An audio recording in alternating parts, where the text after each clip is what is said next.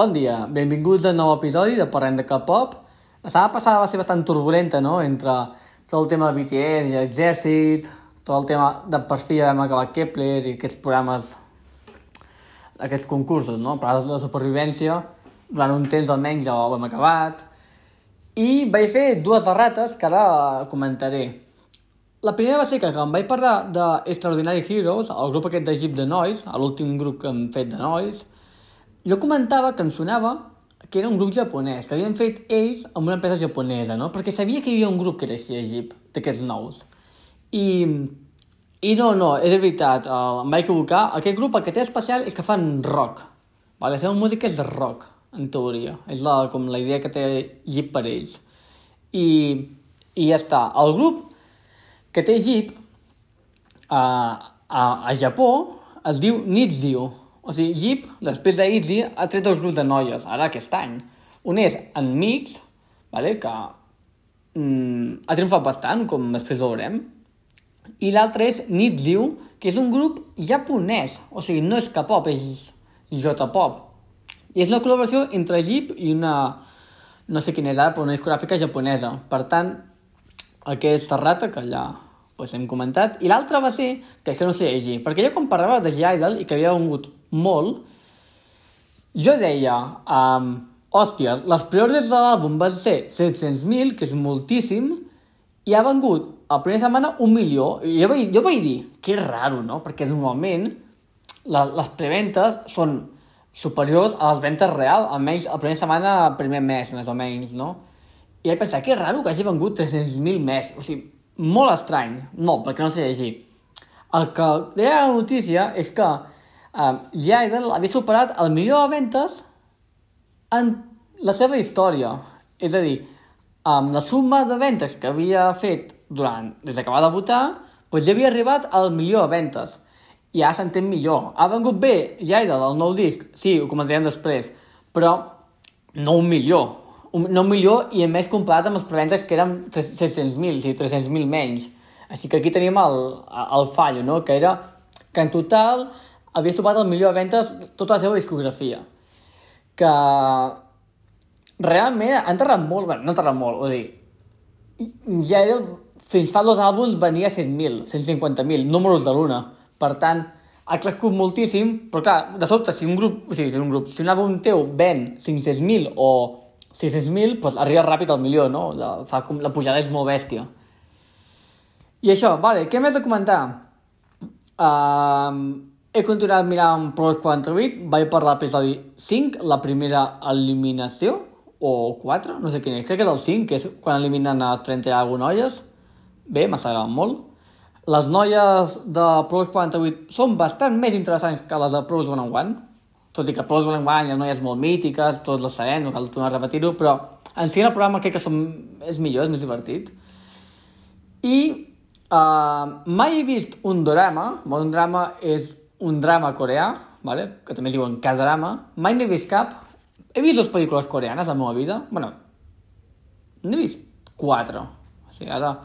He vist la Parasite, la que va guanyar l'Oscar, he vist la de Tren de Busan, que és el mateix mm, director, he vist la de Rompehielos, que és el mateix director, i també una que està a Amazon Prime, que és d'amor, que es diu My Sassy Girl. Si algú li agraden les pel·lis coreanes, i va veure una pel·li... És de 2004 i està molt ben feta. O sigui, visualment és una bogeria i és d'amor adolescent i un, un plorar... Em va, em va tocar tota la tarda aquella pel·lícula. La recomano molt, la vull tornar a mirar algun dia. Doncs, um, temps que volia mirar drames, que drames, drames, no diguem, i no soc de mirar sèries de Netflix, no tinc Netflix, tinc Prime, però Prime he vist The Voice i ja està, no miro sèries. I feia que volia mirar més drames i per fi he començat. He començat amb una que es diu... Uh, no sé com es diu ara. Uh, després ho diré en el meu apartat, però... Uh, no, perdó, sí, ja està. Es diu Move, Move, Move to Heaven, no? Uh, I que va, bueno, va sobre un noi i el seu pare que es dediquen a netejar les habitacions del mort, o sigui, dels morts.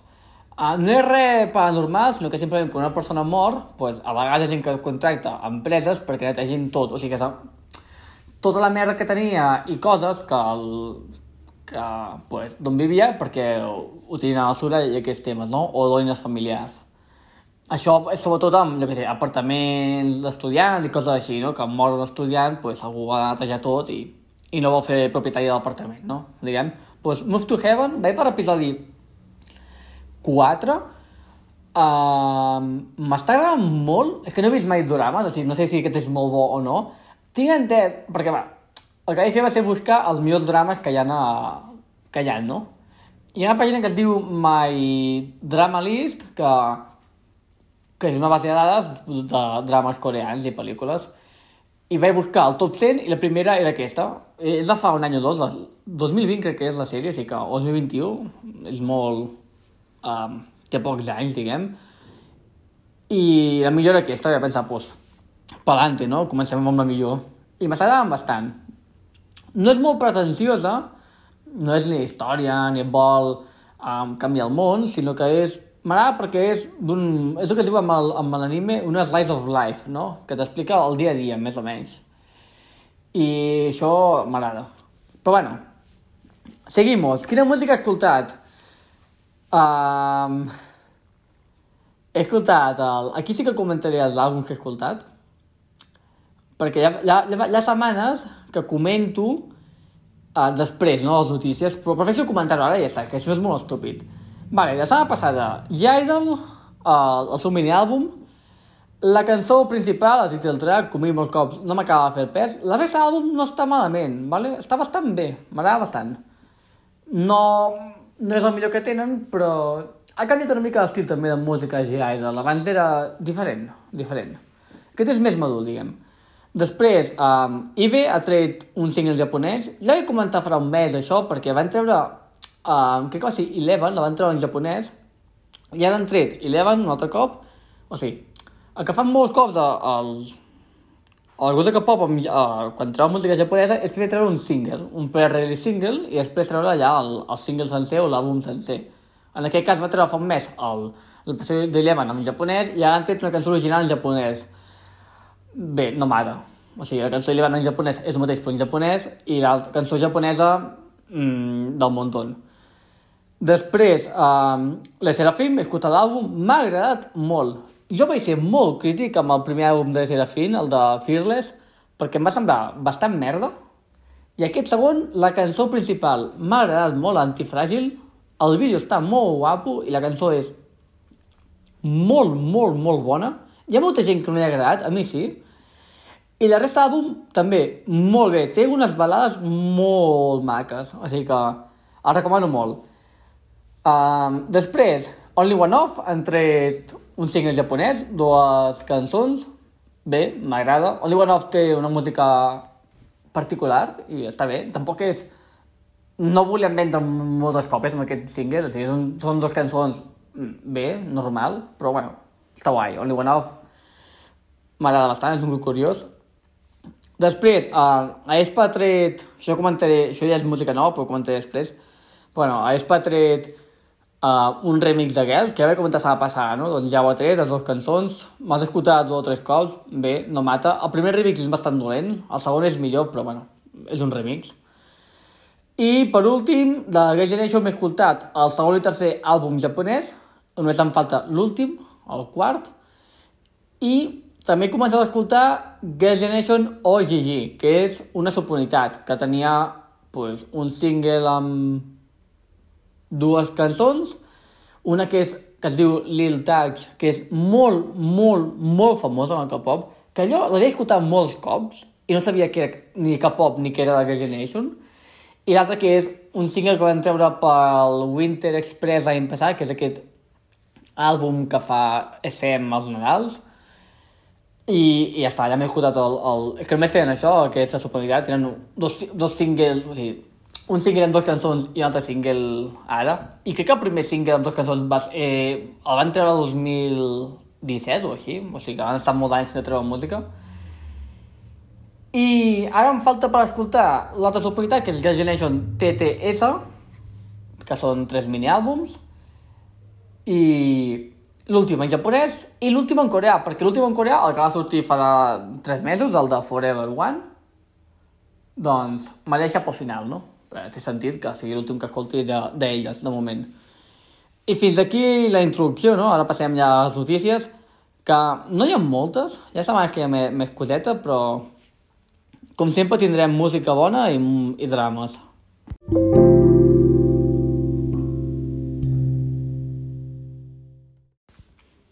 Vale, doncs comencem amb les notícies. Quina música ha sortit? Pues que m'interessi poca. Aquí moltes vegades sempre, sempre ho comento, però tornaré a comentar. Um, surt molta música en el K-pop. I sobretot surten molts singles, però molt.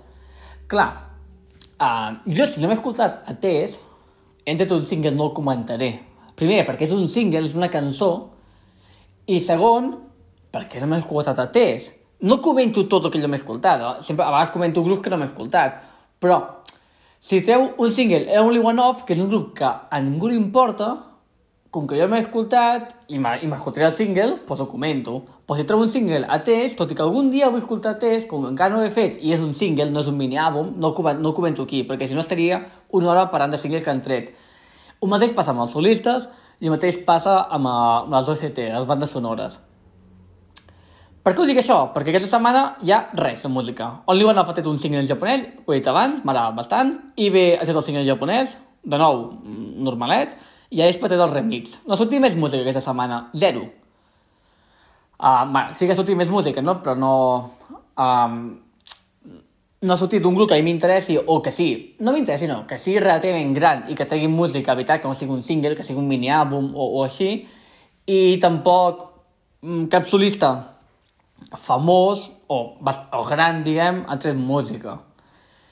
Um, però bueno, fins aquí música que ha sortit, una setmana una mica trista, i música... bueno, perdó, uh, si m'ho deixava. Itzy ha tret ja el single en anglès, Boys Like You. Uh, no m'he escoltat Itzy encara, però bueno, uh, aquí està. I ara anem allà a passar què s'ha anunciat. Mm, poca cosa, o sigui, literalment res. Um, la Lloa de Oh My Girl ha anunciat que farà un comeback en solitari um, després de dos anys, perquè va treure un mini-àlbum, entenc que el 2020, Um, I ara torna la, la lleva amb el segon mini-àlbum. Després, Bibi es trobarà Ram Pam Pam, que és un single amb Universe Music. De nou, Universe Music és, és un Kepler va treure el single de Sagar Rush, Sugar Rush, més ben dit, l'anglès el porto una mica malament, de Sugar Rush, farà poc, que um, aquests grups així treuen música allà, però treuen un single i és un single és com un single de promoció, no, no és la cançó de la teva vida. M'escoltaré perquè m'agrada Bibis i ja opinaré quan surti, a veure què tal. Després, vam parlar del Jin, no? Pues el seu single es diu The Astronaut. Aquí que vaig fer trampa perquè s'ha passat, ja sabia com es deia, perquè vaig gravar dimecres molt tard. Però això, The Astronaut de Jin, que sortirà, ja vaig dir, d'aquí poc sortirà molt poc, aquesta setmana crec. Bueno, sí, aquesta setmana perquè ja s'acaba el mes el dilluns que ve, 31. Um, després, el TEN, vale, de YV i de NCT, traurà un NCT Lab, no? que és una subunitat de SM Station, i que el dirà Birthday, i bé, tinc ganes, sobretot tinc ganes de si balla ell en un videoclip, no? perquè balla molt bé. O sigui, si no és només la cançó, sinó que també hi ha el videoclip amb ball, és el que em refereixo. I per últim, i el més interessant, jo crec que del mes Vale? Hem parlat molt de Triple S, que és aquest grup de 24 noies, que al moment no anunciades, però que no seran grups sinó que estan superioritats, una mica, una mica cosa rara. Un dia parlem d'elles, perquè um, hi ha NFTs, però que no contaminen, i amb aquests NFTs tu pots votar i comprar coses. És una mica tot mm, raro, innovadors. Um, si algú està escoltant això i mm, diu, hòstia, mm, vull veure alguna interessant, Triple S, de veritat, fes-me cas, perquè el, el primer àlbum que trobaran es dirà Access, no? I és de la subunitat um, Acid Angel Asia i pinta increïble. O sigui, és que, vale, aquí em paré un rato més. Hi ha com unes 9 10 no, noies anunciades ara mateix a Triple S, vale? que són trainees, perquè les noies aquestes que estan aquí a Triple S són trainees, no són idols, no, no és un grup d'idols, és un grup de trainees. Vale. han fet dues oportunitats, Crystallize i aquesta. Aquesta és la primera que trobava música. Entenc que l'altra d'aquí poc. Llavors, aquesta oportunitat, um, que són, crec que són 4 o 5 noies, tothom es pensava um, que traurien un single, no? Bueno, doncs traiem un single i ja està. Una cançoneta, com a molt dos, bueno, una cançó i, i ja està, no? A més, és que és la primera música que treu aquest grup. I no són idols, o sigui, no són, encara no, no han debutat, no? No sé si quan debutin amb aquesta subpolitat ja es compta com a debut oficial, perquè més que tinc entès que és una subpolitat um, temporal, que no... que ha rotant, no?, el rotllo NCTU. Um, la qüestió és que surt la tracklist, per això ho comento, surt, surt la tracklist uh, la setmana passada i seran sis cançons. O sigui, és que és increïble. El, el prim, la primera música que sortirà de Triple S serà d'una subunitat amb sis cançons. Això em recorda molt a l'una, però moltíssim. Bé, em recorda l'una perquè, el, de nou, el director creatiu és el ex de l'una, el Jaden Jeong. I sis cançons, eh? I a més amb productors molt bons, productors molt famosos dintre de, del que és el K-pop. I, per exemple, l'última cançó, que és és com, crec que és una cançó d'un minut o així, la fa Monotri, que és qui feia quasi tota la música de l'una la va fer ell, fins a So What, fins al segon mini-àlbum, la va fer Monotri, que Monotri feia la música i Jaden Jeong, el director creatiu, deia quina música s'havia de fer. En plan, això és una cosa que la gent a vegades no entén, no? Que un productor, abans de productors que tenen, fan, van fent cançons i després es presenten a, a, les companyies i als grups, i hi ha, hi ha altres cops que el director creatiu d'un grup diu, vale, um, fes-me una cançó així, així, així. La gràcia de l'una també és que el Jaden Jong, el, el director creatiu, el Jaden, tenia una visió increïble i ell, fe, ell deia la música, la música que havia fet Monotri. Ell deia, Monotri, has de fer una cançó, va bé el pop, així, així, així. Que per això, en part, la, la música l'una al debut era tan bona, no? perquè tenia un so especial. La qüestió, que sis cançons i ha sortit un, un medley, no?, que és això que es posa un minut de cada cançó, bueno, mig, bueno, minut no, mig minut de cada cançó, a YouTube, i sona molt bé. Sona a l'una, tio. És que sona, no l'una al predebut, perquè l'una al predebut és diferent, era molt diferent, però sona a, a, a música diferent, ¿vale? No, no, és comer, no és música que sona comercial, no és música que sona Um, no sé com dir-ho, no és ni el Crash, ni és um, noies happy com Twice, al, al principi sobretot. És un, un so diferent. Les sis cançons. I, I ho és perquè és que no, el Jaden Young és un geni, això és innegable, vale?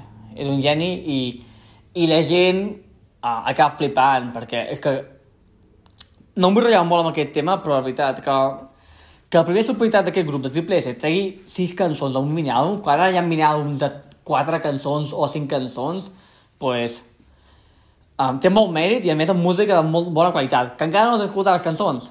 Ja, però he escoltat la prèvia i, tinc, és que tinc moltes ganes. És l'àlbum que tinc més ganes d'escoltar ara mateix, aquest. També comentaré que el disc de la Serafim um, dura 14 minuts. O sigui, té 5 cançons i dura 14 minuts. Té cançons de 2 minuts i mig. Això és lamentable, de veritat. O sigui, tu imagina que treus un àlbum cada mig any i dura 14 minuts, que 14 minuts és res. O sigui, és que mínim hauria de durar l'àlbum 20 minuts, no? Ah, 3 i mig, 4 minuts per cançó. És que 14 minuts és molt poc. I en canvi això, és que aquest, el de Triple S, dura, pues, això durarà 20, 25 minuts i pues, pues, pinta, pinta molt bé aquest grup, però, però molt, molt bé. Jo estic, és que estic molt motivat, entenc que se'n nota per la veu i pel, perquè comento molt, però és que...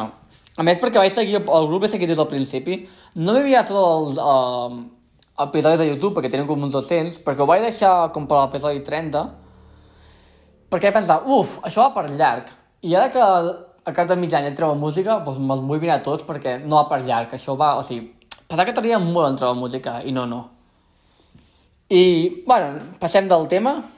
Um, de la Serafim, la Chaewon i la Junjin van tenir un accident de cotxe, mm, petit, estan bé. Van, van cancel·lar les promocions de la música uns dies, però ara ja, ja tornen a promocionar amb els programes, així que estan bé. Tema ventes. Quan parlàvem de G-Idol, no, del, que havien arribat al milió de ventes a la seva història en total, pues el, aquest mini-àlbum, el cinquè, I Love, ha vengut 500.000 còpies, el que comentava, no? 500.000 a preordre, 500.000 a la realitat, no? La primera setmana. Sempre és menor.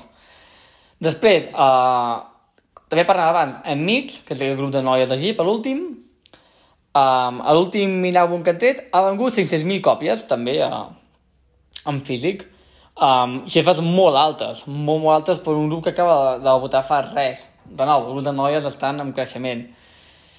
Um, també, en Mick ha superat el de còpies amb um, tots els seus àlbums, o sigui, s'ha convertit en un grup de noies que ha vengut més d'un milió d'àlbums, i amb, crec, que, crec que han tret dos mini-àlbums, com molt tres, però crec que són dos, ja la confirmaré.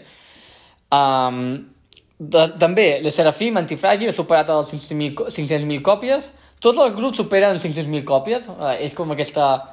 La milestone, aquesta, aquesta xifra que tots, tots han superat aquesta setmana, no? Eh, tant Idol com Amics com la Serafim. Clar, superar 500.000 còpies no et diu si són 500.010 o 600.000, no? Perquè la següent fita, vale? milestone és fita, que s'ha passat comentava, la traducció, pues, la següent fita és 750.000 i un milió.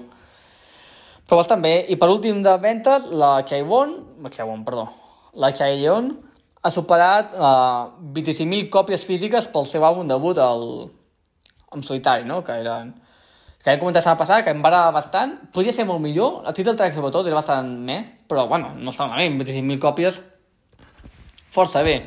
Què més? Um, Lapilus, no?, és aquest grup de noies, uh, ha anunciat que el seu fandom es dirà Lapis.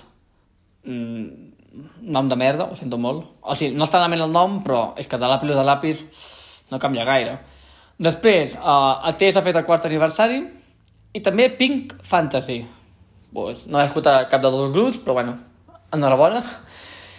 I per últim anem amb drames, no? Uh, una, una pàgina de Facebook bastant popular, de Facebook, eh, que aquí fa servir Facebook el 2022, però bueno, una pàgina de Facebook molt popular que es diu Idolusiu, ¿vale? Um, que era famosa, no?, per... doncs per... Bueno, com dir-ho, per... per publicar rumors i controvèrsies i sempre buscar mm, ficar-se a la ferida, diguem, no?, o quasi plens de rosa, doncs s'ha descobert que era de Cacao Entertainment. O sigui, Cacao Entertainment, que és una de les grans companyies de mitjans de comunicació del K-pop, Bé, i de Corea, no? De Corea, no? Cacao Talk, per exemple, fa servir molta gent per parlar, per, per pagar, per moltes coses. Doncs s'ha descobert que Cacao tenia una pàgina a Facebook per, doncs això, per, per fer rumors de K-pop malignes, no? I per... i controversials. Això em recorda molt a quan el Barça, el Bartomeu, expresident del Barça, va contactar a empreses perquè difamessin contra el Barça i contra el Messi. Què dius? Però si ets tu del Barça, pues mateix. I, i l'últim drama que va sortir ahir, um, Omega X, que és un grup de nois bastant poc conegut, però sí que un cop l'he vist per el nom, almenys, Omega X, doncs que han tingut una gira per Estats Units i això, i una noia va gravar amb àudio com la, el, la seva CEO, una, una senyora, els insultava i els picava. I llavors hi ha hagut molt drama, ara... Bé, és que el drama va sortir ahir, llavors avui hi ha hagut un comunicat de l'empresa dient que això és mentira, bla, bla, bla, bla. I aquí hi haurà molt drama. I això, doncs, bueno, fins aquí... No comento més aquí perquè eh, és que ha sortit això, no? La gravació de l'àudio i tampoc no és molt maco, o sigui, comento, però tampoc. Eh, fins que si el grup fa disband o hi ha alguna repercussió més, ja comentaré. I fins aquí el tema de notícies, eh? Hi havia molt, molt poca, de música poc, per això he comentat més el tema de Triple S, que ho faig cada setmana, però... I quan surti comentaré molt, perquè perquè estic molt motivat, em, recordo, em recordo tant a l'una, o sigui, tinc tanta ganes d'escoltar aquest... És que per mi és com l'una, és com si l'una tragués un àlbum. I fins aquí el... la part de notícies. Anem a parlar sobre el grup de setmana, que serà God Seven.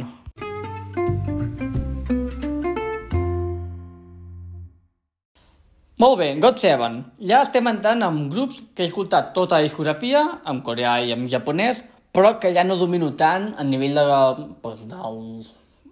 No sé ni com es diuen alguns dels seus idols, la vista no sabia reconèixer de quin grup són, molts d'aquests, um, tampoc he vist gaire contingut seu, per tant no puc enrotllar-me molt, seran grups que per 5 minuts i ja està. Que m'agrada la seva música, però el mateix amb Seventeen, per exemple, Seventeen em sé el nom de dos o tres i de vista puc reconèixer a dos o tres. Els altres 8 o 9 o 10 que falten no, no els reconèixer.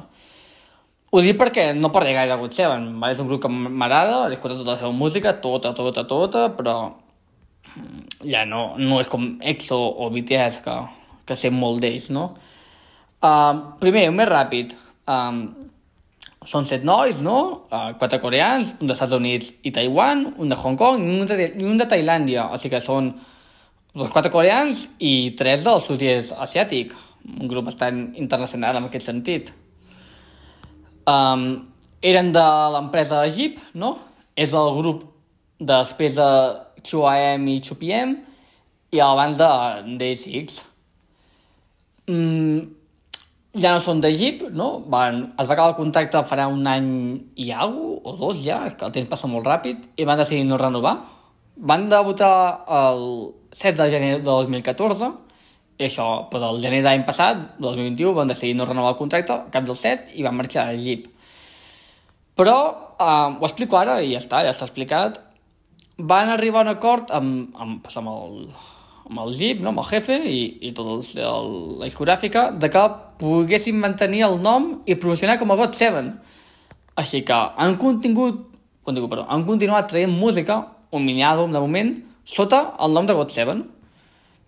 I, i és bastant curiós, això no passa molt, no? Que puguin, puguin marxar de l'empresa i emportar-se el nom del grup i continuar promocionant com ells, com el grup que eren abans. Això això passa, jo crec, perquè el Jeep té fama de que cuiden molt bé els seus artistes, no? I els coneix la majoria bastant bé.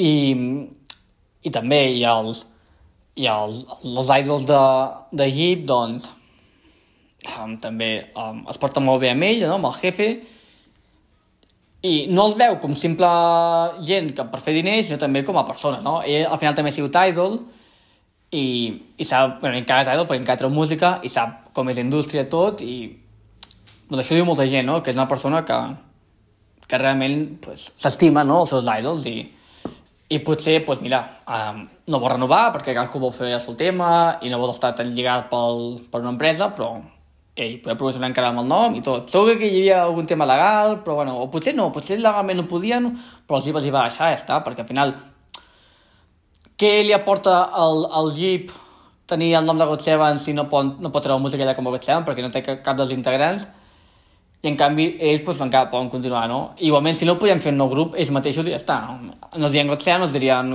no sé, com volguessin, però bueno, encara podien promocionar. Així que, bueno, bastant bé. Um, per què es diuen God Seven, no? Um, el nom ve de que... de, de God Six, vale? un, un, un nombre menys.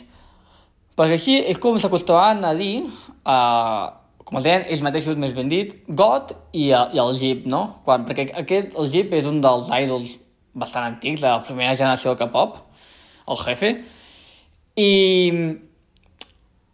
i quan, perquè el God és un grup de K-pop, vale? de la primera generació, i el Jeep és un solista i això. I llavors, en teoria, el Jeep havia estat a God, i al final no va, no va arribar a entrar però els integrants i ell es deien God Six, no? I llavors, quan ell va crear l'empresa, no? Um, I el primer grup de, de la seva empresa, no? De, de GYP, doncs van... Tenia molts problemes de, de diners i de tot, no? I es veu que...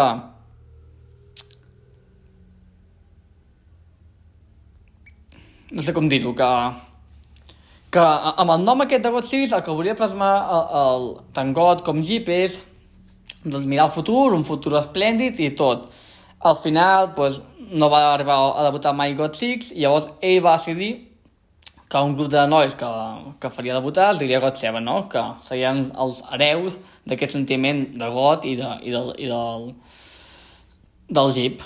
I llavors, doncs, és això, d'aquí ve el nom. És una mica raro, no?, perquè no és el típic nom uh, que tingui un significat molt especial, sinó que ve de que el jefe, pues, la banda que es deia God Six no va arribar a debutar mai i llavors, pues, quan va decidir fer una nova banda, va decidir que seria God Seven, no? Això cata molts anys.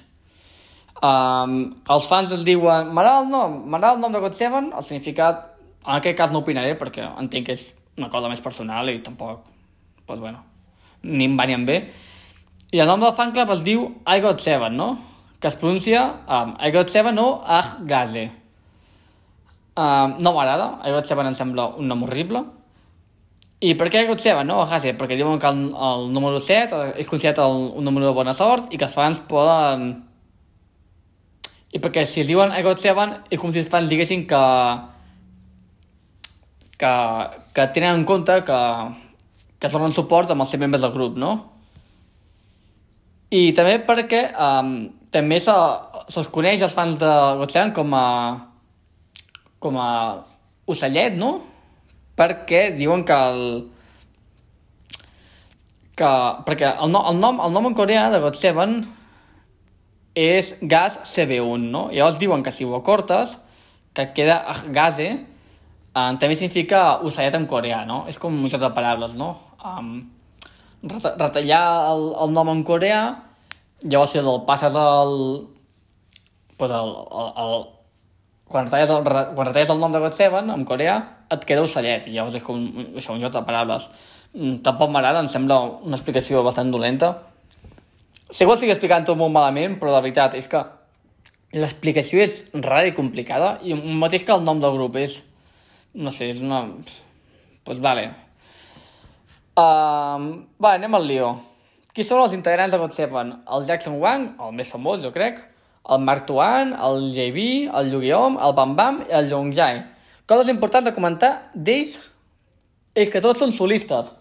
El Jackson Wang va debutar el 2017 perquè era molt famós i la resta han debutat tots 2021, menys el Marc, que ha debutat el 2020. Per tant, tots, al moment que han deixat l'empresa de Jeep, han debutat com a solistes. Per això, jo recordo l'any passat, i aquest any, que no paren de sortir cada setmana mini-àlbums o àlbums nous d'ex de, de God Seven, i és una mica pesat al final. Um, vale, anem a parlar una mica de la seva música. No entraré en molts detalls perquè tenen molta música, així que tampoc... Uh, no parlaré de cada grup, de cada àlbum, diguem. Tenen quatre, quatre àlbums sencers, no? Amb els seus repackage. bueno, de repackage només tenen un, però bueno, diguem que tenen quatre àlbums sencers. Bastant bons. Normalment aquests grups de, de, de K-pop, com God Seven, uh, Seventeen i de més, els miniàlbums estan bé, però no maten, i els àlbums sencers són on hi ha la música bona, bona. Això m'ha passat molt amb, grup, amb molts grups, que, que els mini-àlbums són bastant dolentets, i després l'àlbum, pues, el gran, pues, és, és bonet, no? I sí, sí, tenen moltes cançons dels àlbums, no? 10, 12, 13, 15 cançons, i tenen tenen de mirades, tenen 1, 2, 3, 4, 5, 6, 7, 8, 9, 10, 11... Tenen 11 mini-àlbums um, formant part de Jeep, de l'empresa, i el 12 que ja és des de fora, no? O sigui, uh, que es diu God Seven també, eh, té el mateix nom que el, que el grup, l'àlbum que van treure ells ja um, sense estar de l'empresa de Jeep. Uh, M'agraden molt els seus mini-àlbums, vale? uh, quan parlava abans de que hi havia grups que treien àlbums amb bona música i àlbums amb música més dolenteta, en aquest cas no, en aquest cas hi ha algun àlbum millor que d'altres, però tenen tenen tenen un mirall de, de molt bona qualitat um, no he comentat, però vale, van marxar Jeep, però no estan sols. Um, formen part de Warner Music, vale? la, la, la discogràfica que ara s'encarrega d'ells és Warner Music. Que pues, és bastant curiós, no?, el fet de que, de que te'n vagis d'una de les grans companyies que és Jeep per anar a una altra companyia, no? I no, no en solitari tu, no facis tu la teva pròpia empresa, em refereixo, no? S'han pues, canviat d'empresa i s'han portat el nom. Per això tot va ser una mica raro, no? Perquè és el que deia, no és que marxin i ja està, sinó que se'n van a una altra empresa i amb, el, amb la marca i tot, no? De God Seven. Però bueno, mira, no sé, ja s'ho faran tan jeep com ells. I uh, van treure un single final que es deia Encore, el 20 de febrer del 2021, quan ja s'havien pues, havien fet el, el disband de l'empresa, diguem, i on ells prometien que God Seven continuaria traient música en el futur, i junts. Uh, tots vam pensar que... Jo pensava que era mentida, jo vaig estar un any dient que no m'ho creia, rotllo. A més, treus un, treus un single final que es diu Encore, que és, és com Down Power de Yoi, és típica cançó de fi del grup. No és trista, però és com de final de concert, a més per això es diu Encore, no? perquè Encore és la... quan el concert ha acabat i torna a sortir el grup a fer una última cançó o dues cançons, això és un encore, no? Quan el grup... Quan el concert allarga una mica, doncs... Això es diu encore en música. I jo pensava, va, és la cançó final i ja està. I hem fet aquest missatge perquè els fans no estiguin tristos. I no, no. Um, pues sí, encore, després d'encore va venir un mini-àlbum. I tenen... tenen música en japonès molt, molt bona. Els grups de tercera generació i segona, també, però en aquest cas parlem de tercera perquè és de tercera generació, God Seven, um, tenen música en japonès de molt bona qualitat, no? Que és una que no es porta tant, ara el que es porta molt és... Com ve, no? Ve treu uh, Eleven en japonès i una cançó més. Um, és bastant pou, això, no? En canvi, alguns d'aquests mítics tenien, bueno, traien mini-àlbums originals en japonès, però um, jo que estic mirant ara, i cançons, o sigui, mini-àlbums de 8 i 9 cançons en japonès, i cançons originals i bones, no? Perquè també molt el que es fa és, vale, volem agafar fama a Japó també, no? Només a Corea. Traurem un, un single en japonès, um, així, uh, que serà una cançó nostra en coreà però en japonès, i tenem algun single més en japonès bastant per treure música, no? Perquè vengui 20.000 còpies i ja està, diners fàcils mm, i fama gratis. I no, no, uh, això fa molt ara, és el que estic dient, no? En canvi, grups més vells, no, traiem música japonesa en qualitat, adaptada a l'estil de música japonesa, que no és igual que la coreana. I, i per això molts d'aquests grups tenen molta fama al Japó, no? Que, perquè al final t'has curat una mica també el, el que és la fan base allà, no? Els fans d'allà. I fins aquí ho saben, no, no parlaré gaire més d'ells perquè... Mm, bueno, algunes cançons que recomano, Just Right, és com la gran cançó que tenen, així popular. Em recordo molt a Twice, aquesta cançó. Uh, les Peace, també. Uh, les seves balades, uh, no em sé els noms, però tenen balades molt maques. Fly, Never Ever... Tenen cançons... Um, és que tenen, tenen moltes balades molt, molt maques, i en japonès també, i tenen title tracks molt bones, d'altres no tan bones, però la majoria de la seva música és de molt bona qualitat. Això és una cosa que no... que és molt, molt comú a Egip, no? Que els seus grups tenen música de qualitat molt alta. I fins aquí God Seven. És a dir, tampoc em volia rotllar molt. Aquest al final tinc mica pressi God Seven perquè tenen molta música, són moltes hores que passes escoltant ells i al final, doncs, si t'agrada la música, doncs t'acaba agradant no, una mica el grup. Però bé, ja passem ja a l'últim tema del debat de la setmana. I per finalitzar farem el debat de la setmana, que serà una mica de, de discussió sobre els title tracks i les B-sides, ¿vale? Molt fàcil, què és una title track? Um, originalment significa que el nom de la cançó és el mateix que el nom de l'àlbum. Per exemple, la Taylor Swift, que té l'àlbum ara, um, té un àlbum que es diu Red i té una cançó que es diu Red. Per tant, Red és una title track perquè comparteix el nom amb l'àlbum. En el K-pop és diferent. La title track en el K-pop és la cançó que promociones, és la cançó principal. No és ni la primera cançó de l'àlbum ni uh, la que té el mateix nom, sinó que és la cançó que es promociona en programes de música i de més. Quines característiques té una title track? Que acostuma a ser um, bastant més mogudeta, no? O sigui, no és una balada, sinó que... A veure, sí que, ha, sí que hi ha balades perquè hi ha grups, i sobretot solistes, que fan balades, no? Com a title tracks, perquè és el seu estil de música. Però normalment, el title track és una cançó que té ball, té, o sigui, té coreografia, um, i com que és la que vols promocionar, doncs és, és pues, és més...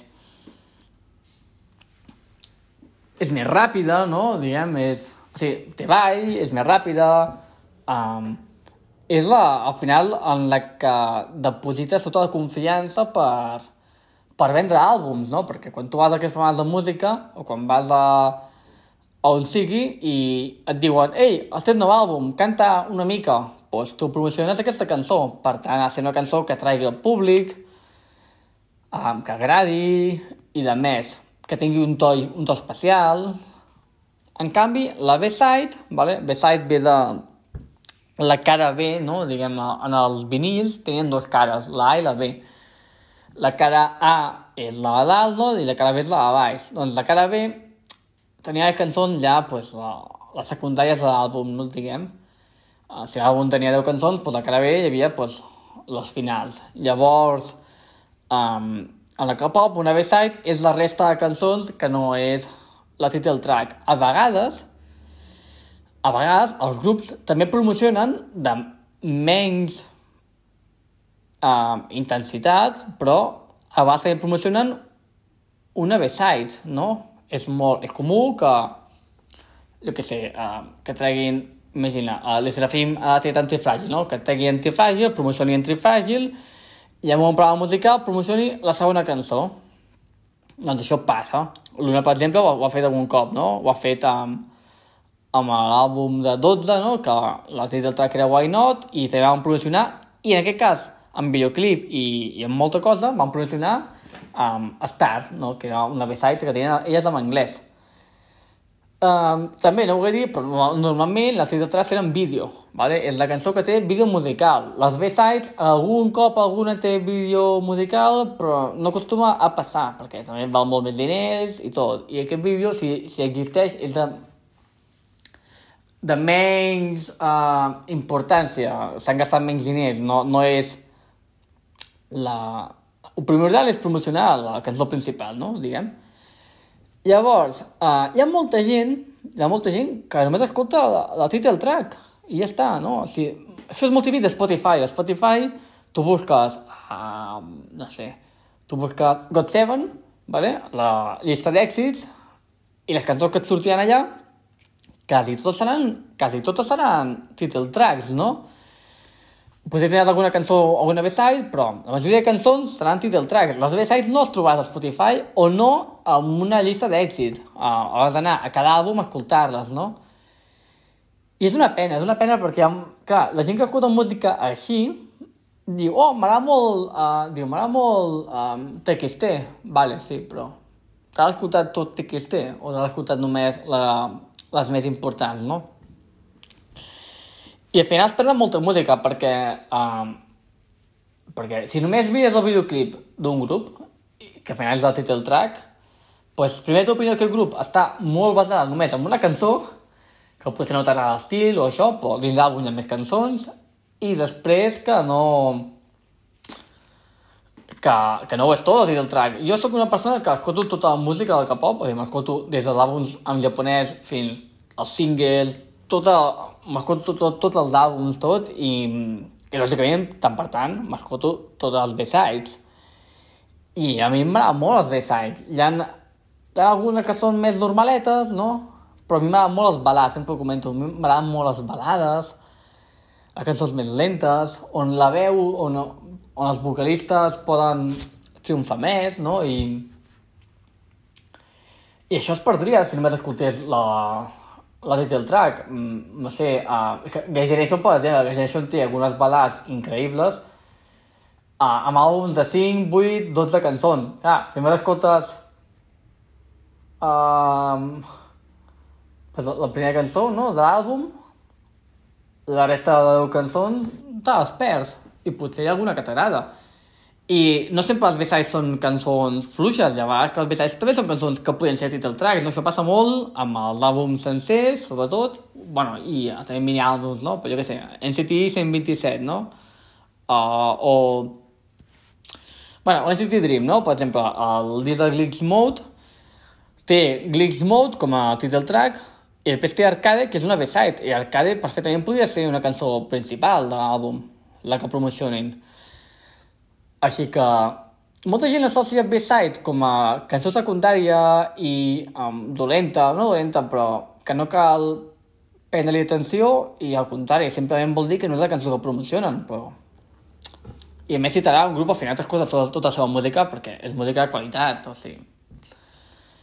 I, i no sé, cop parlarem més d'aquest tema perquè sempre em volia introduir els conceptes, no? que són molt fàcils, són conceptes de primària, no? però bueno, um, molts cops no, la gent pues, no sap què és una website o no els escolta, jo veig molt per, per Reddit, no? que pues, jo sé, per, per Reddit hi ha dos posts, no? sempre que surt un àlbum de música hi ha dos posts, hi ha un que és l'àlbum i un que és el, el vídeo musical.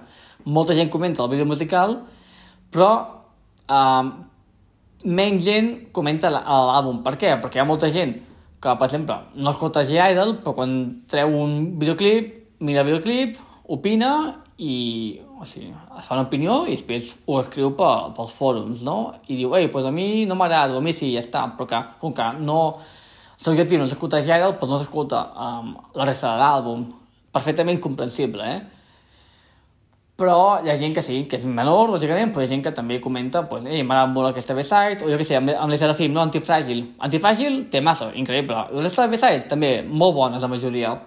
Què comentava la gent? Que durarà 14 minuts tot l'àlbum. Clar, si només escoltes um, Antifràgil, et perds cançons bones i et perds un àlbum de 14 minuts, no?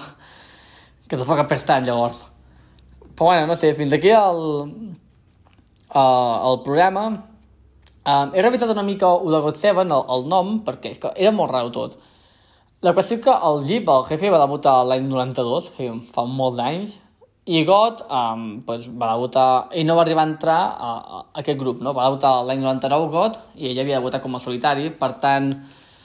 Um, pues, entenc que devien ser trainees o devien... Bueno, no existia el concepte de trainee quan a primera generació, així que bueno, devien ser companys de música, no? I que vam arribar a debutar mai junts i d'aquí venia el nom de God Six, no? I ja està. I doncs des d'aquí el programa, espero que us hagi agradat i fins la setmana que ve. I per si gravo un dilluns, que això no ho he dit, però estem a dilluns i és bastant curiós això. Perquè normalment no gravo mai dilluns perquè no em dóna temps o em fa mandra, però bé, avui ho he fet. I ens veiem, vagi bé.